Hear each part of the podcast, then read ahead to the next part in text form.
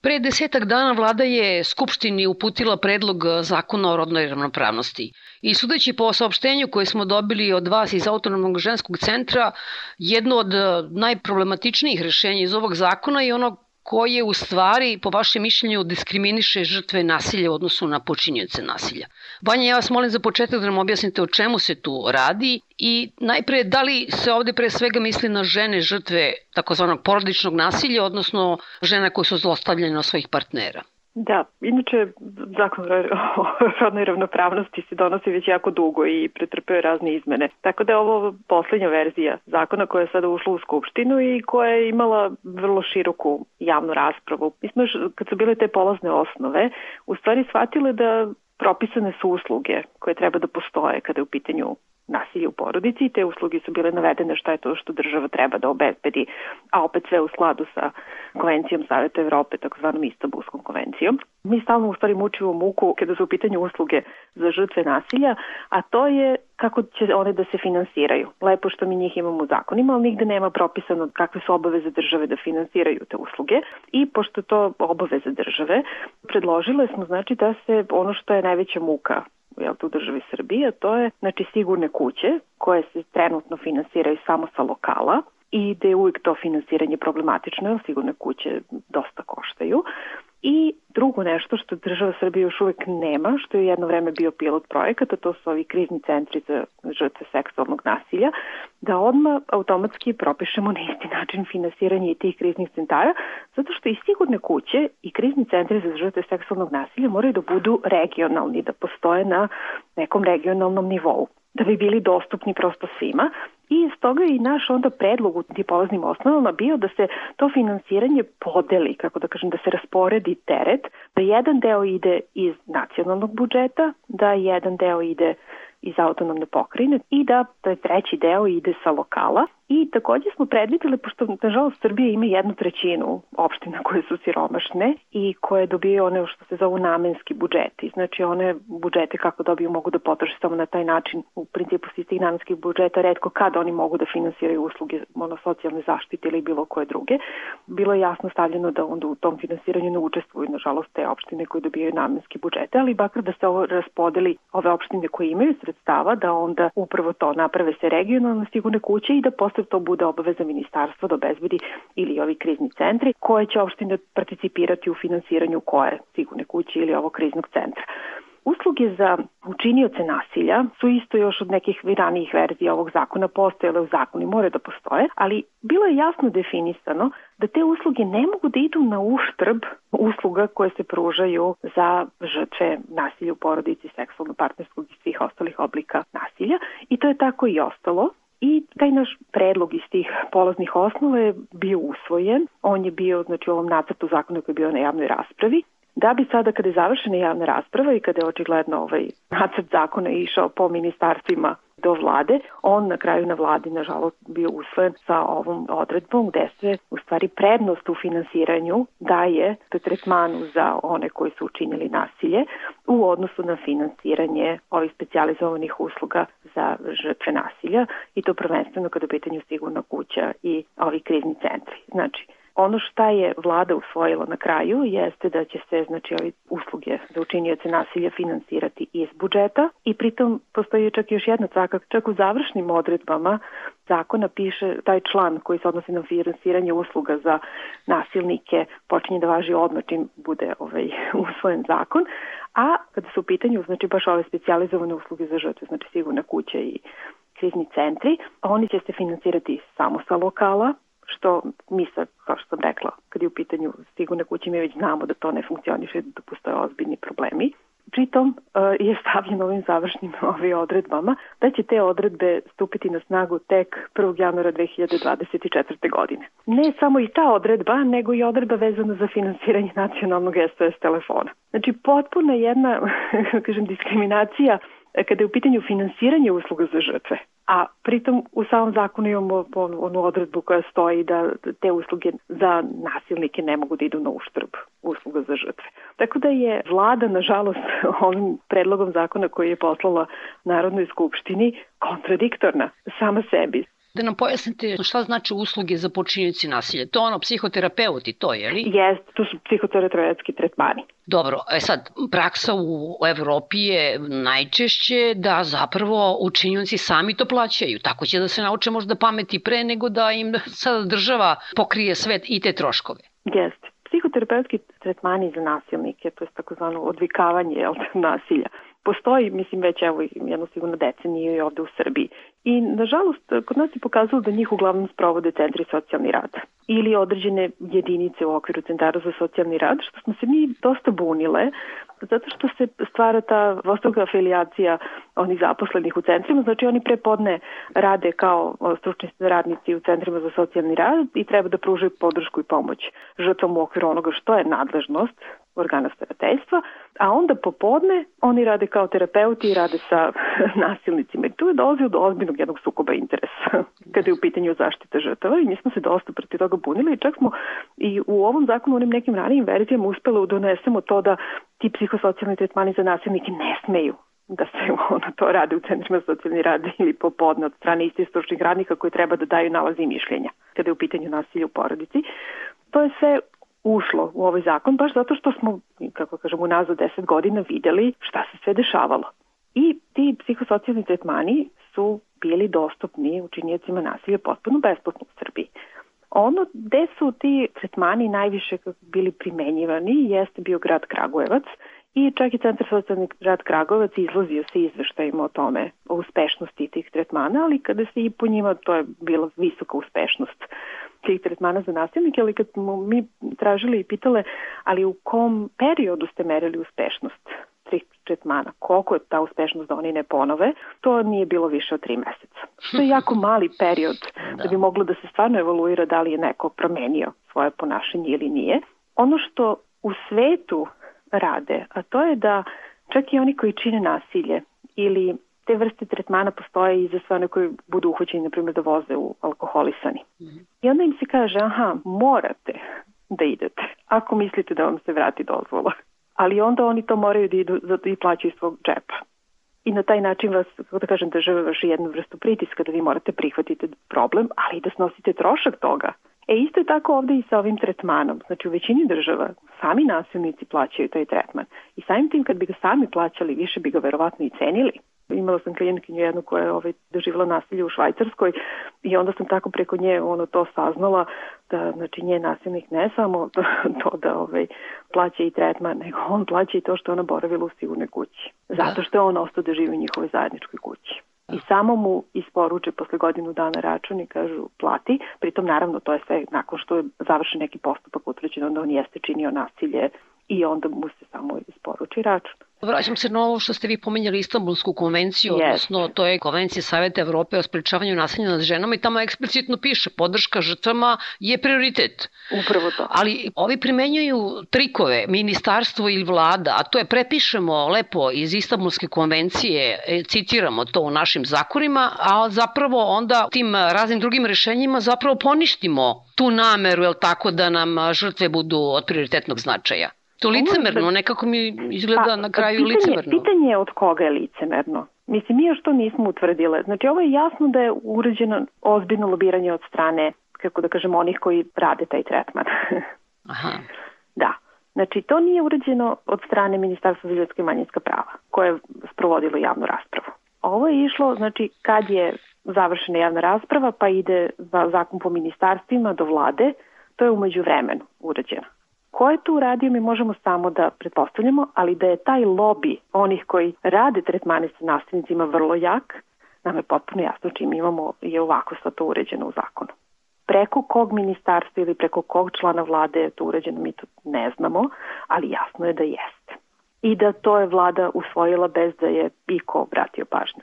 Kada ste pomenuli da će teret pasti na siromašne lokalne zajednice, ja sam pogledala malo budžete opština siromašnijih po Srbiji. Mislila sam da grešim u računanju. Recimo 2019. godine Crna Trava imala budžet od milioni 700 hiljada evra, a onda sam pogledala koliko je najskuplji stan u Beogradu na vodi milioni i po evra.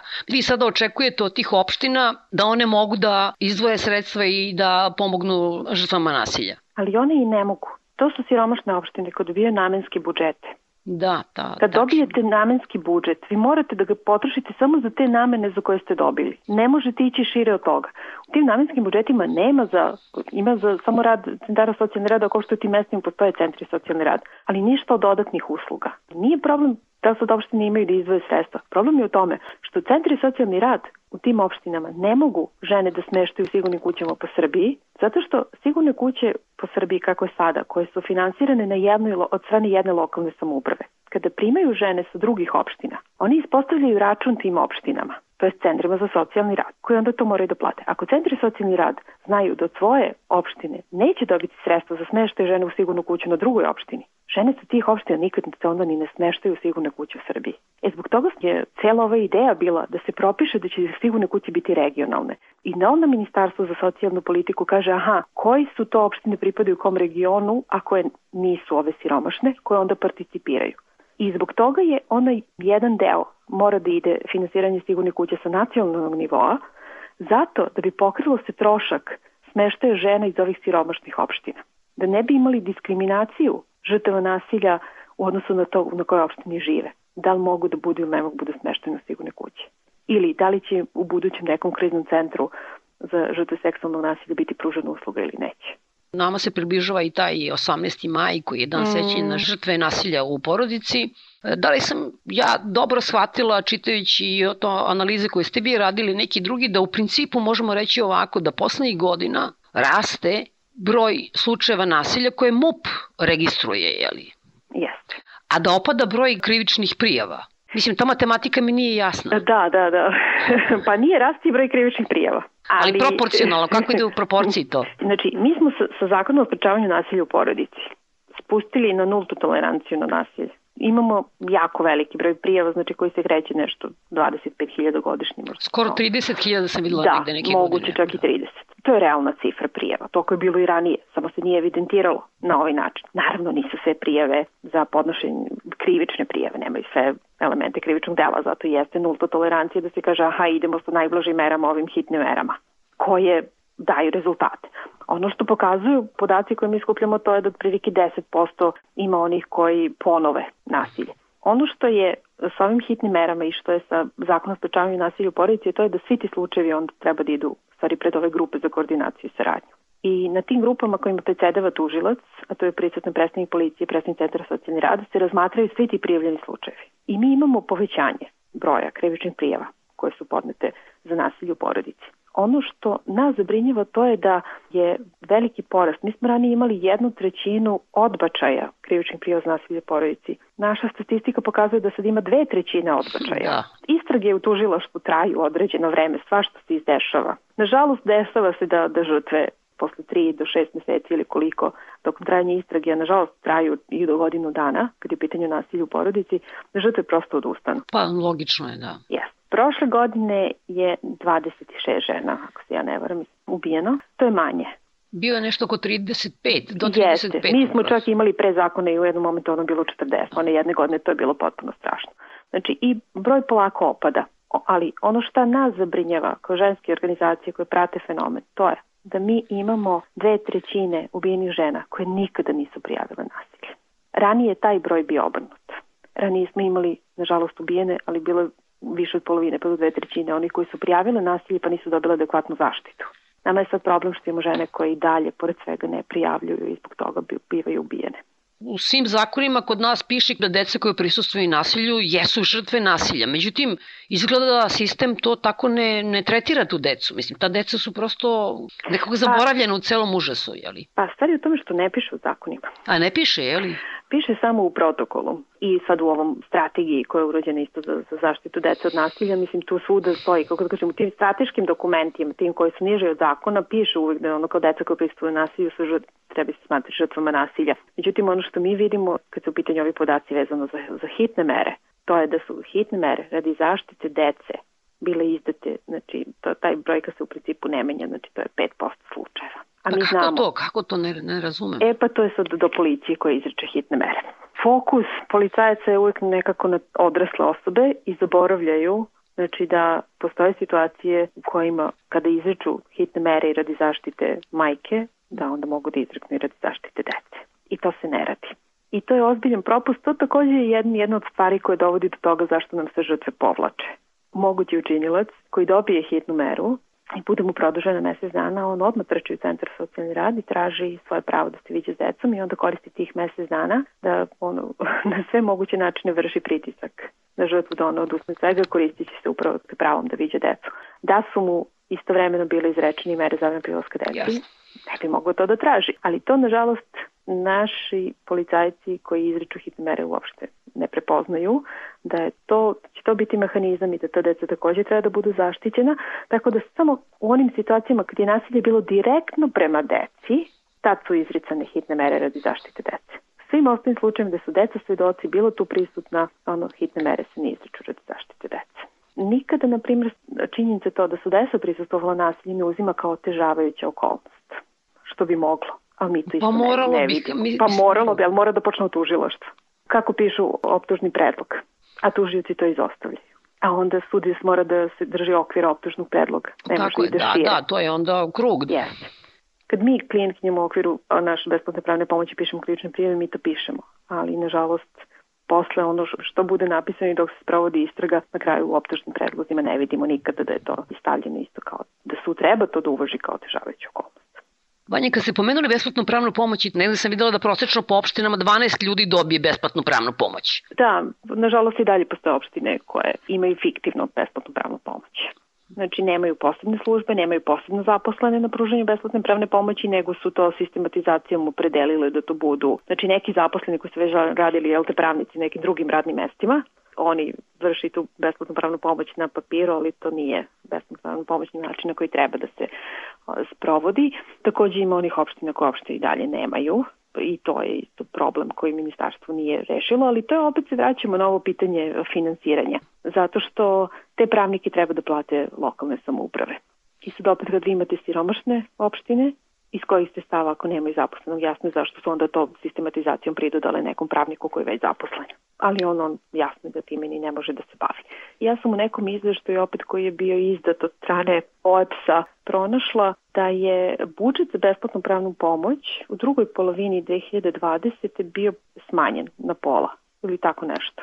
Znači čak i ona sredstva koja su bila predeljena budžetom na početku godine su posle bila uskraćena. I jako mali broj je bio upućen u stvari na ovo zastupanje od strane advokata. To jeste najveći problem, zato što kod tog zastupanja tu opštine trebaju da plaćaju advokatske usluge u napred, pa se onda opštine refundiraju od Ministarstva pravde za polovinu iznosa. E to je ono što opštine nemaju sredstava. Znači to da se upućuju na advokata, da se pruža advokatska pomoć, znači pruženo je samo evo, znači u 18% slučajeva. Znači 6800 zahteva, znači u 954 je bilo odobreno znači da se pruža advokatska pomoć. Pa to je simbol, ipak simbolično. Jeste, jeste, da. za, mislim za ovoliku državu to jeste simbolično.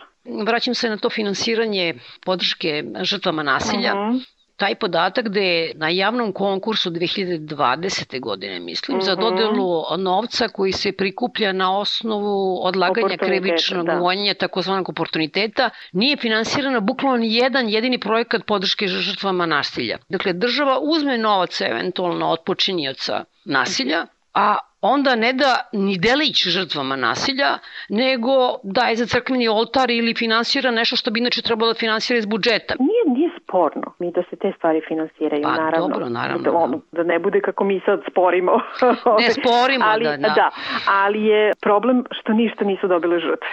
Ako je taj novac ide od onih koji su, da kažem, postojala neka sumnja da su učinjeli krivično delo, pa im je data mogućnost da uplate određeni iznos u humanitarne svrhe, mi na kraju vidimo da su to ogromna sredstva koje se dele svake godine. Znači, ako se ti novci prikupljaju na taj način, navede osnovni red deo dobiju žrtve. Ono što moram priznati mi ne znamo, zato što kad se god ti konkursi, vi stvari ne znate ko je sve konkurica osim onih koji su dobili na tom konkursu. Mi smo prošle godine konkurisale, pa smo onda mogli da se punimo, smo znali da smo sigurno mi konkurisale ovaj sa, sa besplatno pravnom pomoći za žrtve, ali e, ne znamo za druge organizacije, sigurno da ih je bilo još.